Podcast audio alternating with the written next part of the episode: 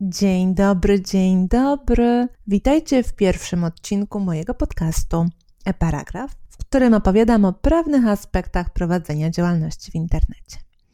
Dzisiaj chciałabym podzielić się z Wami informacjami na temat tego, w jaki sposób możecie chronić elementy identyfikacji wizualnej Waszej marki.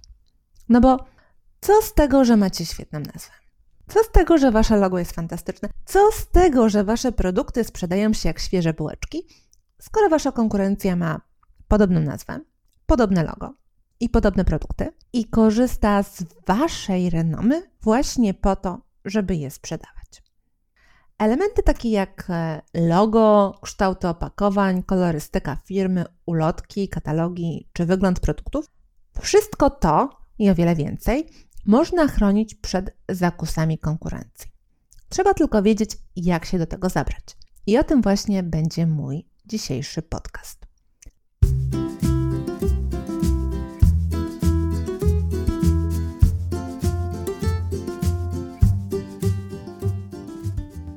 Na początek chciałabym opowiedzieć Wam o firmie Trunky, która produkuje jeżdżące walizki dla dzieci w kształcie zwierzątek. Twórca tego produktu dążył do stworzenia czegoś, co mogłoby łączyć w sobie wiele funkcji.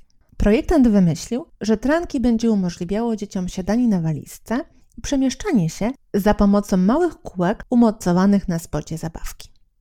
Równocześnie będzie to poręczny sprzęt turystyczny, taki, w który rodzice dzieci będą mogli coś zapakować. A całość będzie wyglądała jak zwierzątko. Sami przyznacie, że pomysł brzmi naprawdę dobrze. Niestety, dokładnie do tego samego wniosku doszła konkurencja producenta. A ponieważ on sam popełnił mały błąd przy okazji rejestracji wzoru przemysłowego, rynek został natychmiast zalany przez podobne produkty, a on nie mógł i do tej pory nie może nic na to poradzić.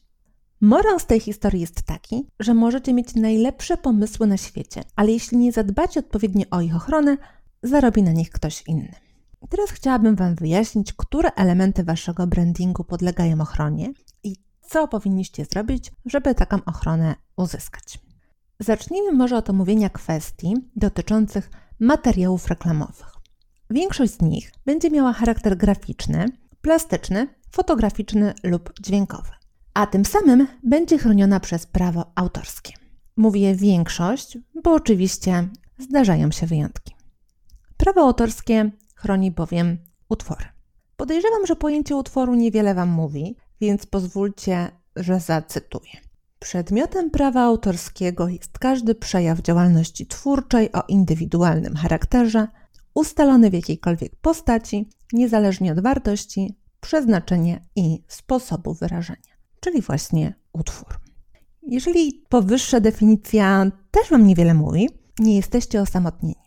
Prawnicy napisali grube tomy na temat tego, co jest utworem, a co utworem nie jest. W praktyce jednak sądy przyznają status utworu 90% wszystkich plac plastycznych, fotograficznych i dźwiękowych. Do rzeczy, które nie podlegają ochronie, zalicza się głównie dzieła pozbawione w ogóle elementów twórczych. Przykładem mogą być zdjęcia paszportowe. Dzieje się tak dlatego, że są one robione według z góry określonych zasad i nie ma w nich miejsca na jakąkolwiek inwencję autora. A skoro tak, nie ma tutaj działalności twórczej o indywidualnym charakterze, a skoro tak, nie ma utworu. Jednak zdecydowana większość wszelkich graficznych, fotograficznych i plastycznych materiałów marketingowych będzie podlegała ochronie już od momentu ich stworzenia. Dla Was jako dla przedsiębiorców będzie to oznaczało, że jeżeli stworzyliście coś dla siebie od podstaw, to macie wyłączne prawo do tego, żeby tego używać.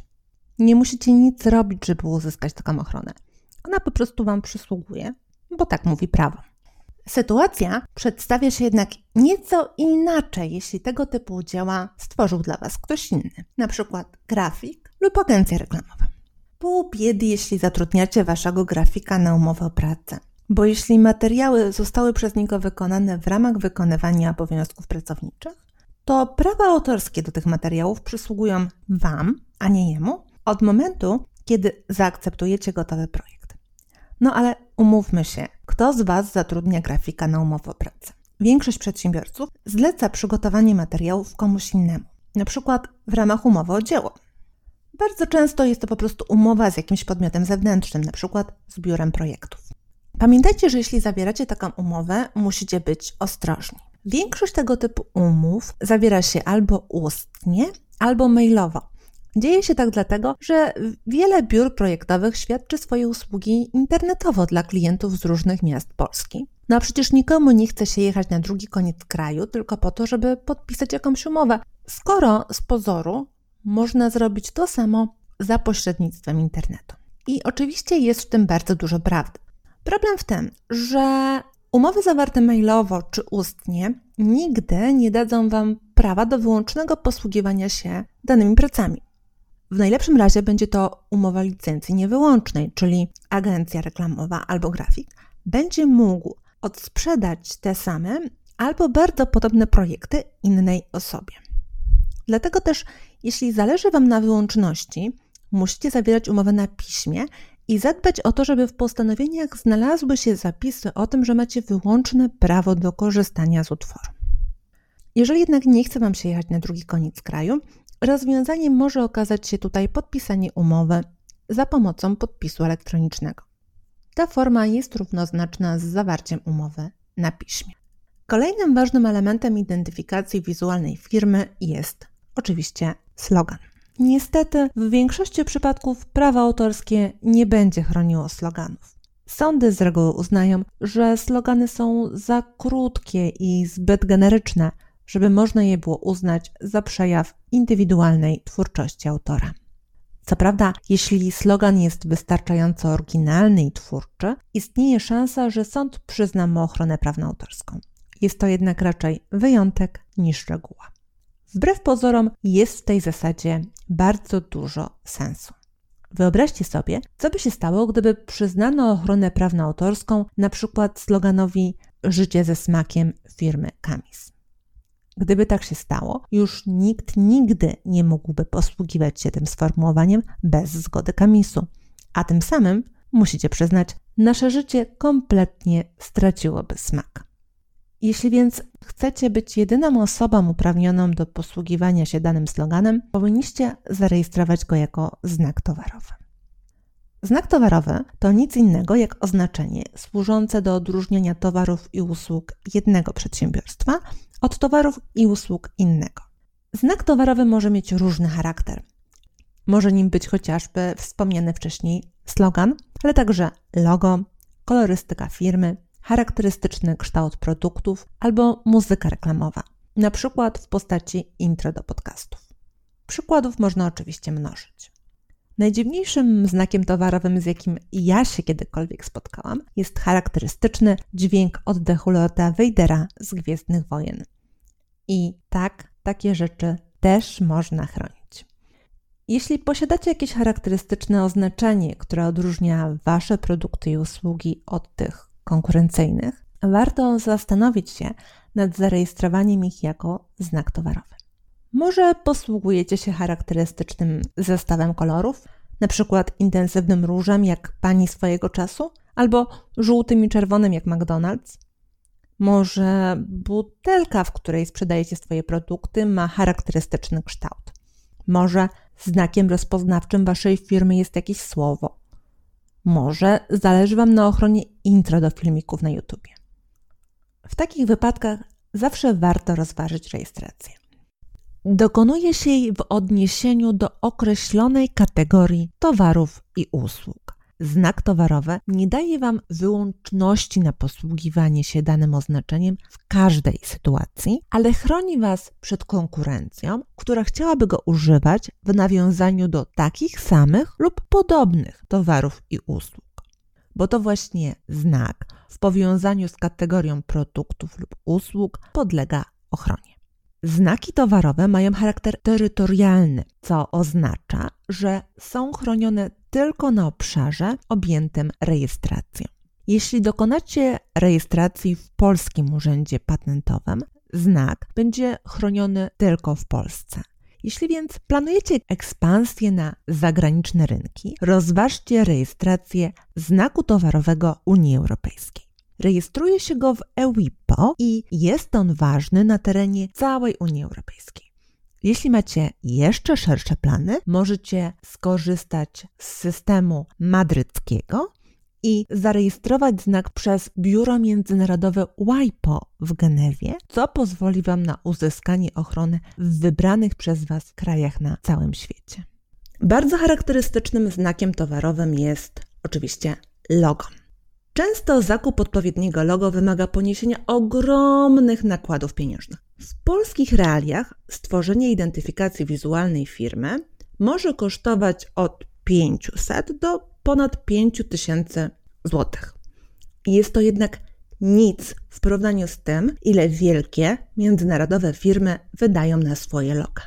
I tak na przykład logo Pepsi kosztowało milion dolarów, logo BBC milion 800 tysięcy dolarów, a absolutny rekord pobiło logo stacji benzynowych BP, za które zapłacono aż 21 milionów dolarów. I powiem Wam szczerze, że ja bym bardzo, bardzo chciała poznać projektanta, który stworzył to logo. Jednak tym, co odróżnia wielkie międzynarodowe firmy od drobnych przedsiębiorców, jest nie tylko kwestia tego, ile wydają na swoje loga, ale także to, w jaki sposób nim potem zarządzają. W przypadku logo, zarejestrowanie go jako znaku towarowego jest to tyle kluczowe, że umożliwi Wam w przyszłości obrót Waszym logo. Będziecie mogli na przykład je sprzedać albo umożliwić innym osobom korzystanie z niego, na przykład poprzez system franczyzy.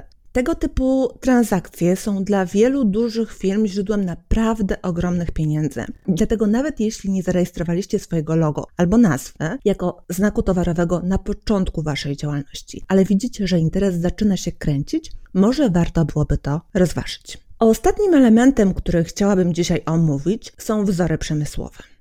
Rejestrując wzór przemysłowy, możecie chronić wygląd waszego produktu, nadany mu na przykład przez kolorystykę, określony kontur, fakturę czy materiał. Ten typ ochrony jest bardzo ważny w przypadku tych przedsiębiorstw, które kładą duży nacisk na estetykę swoich produktów i w związku z tym nie chcą, żeby konkurencja wypuściła na rynek coś podobnego.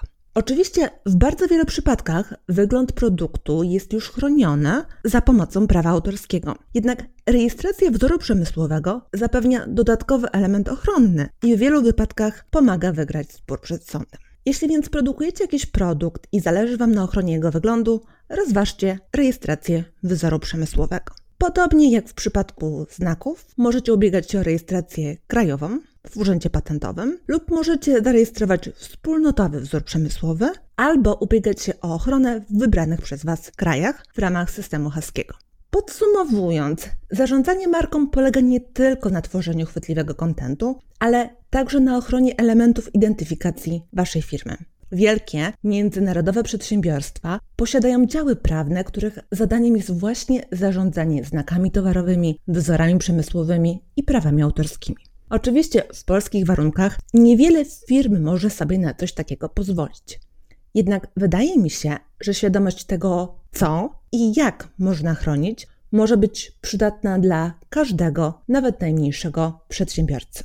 I to byłoby tyle na dziś. Serdecznie dziękuję za uwagę.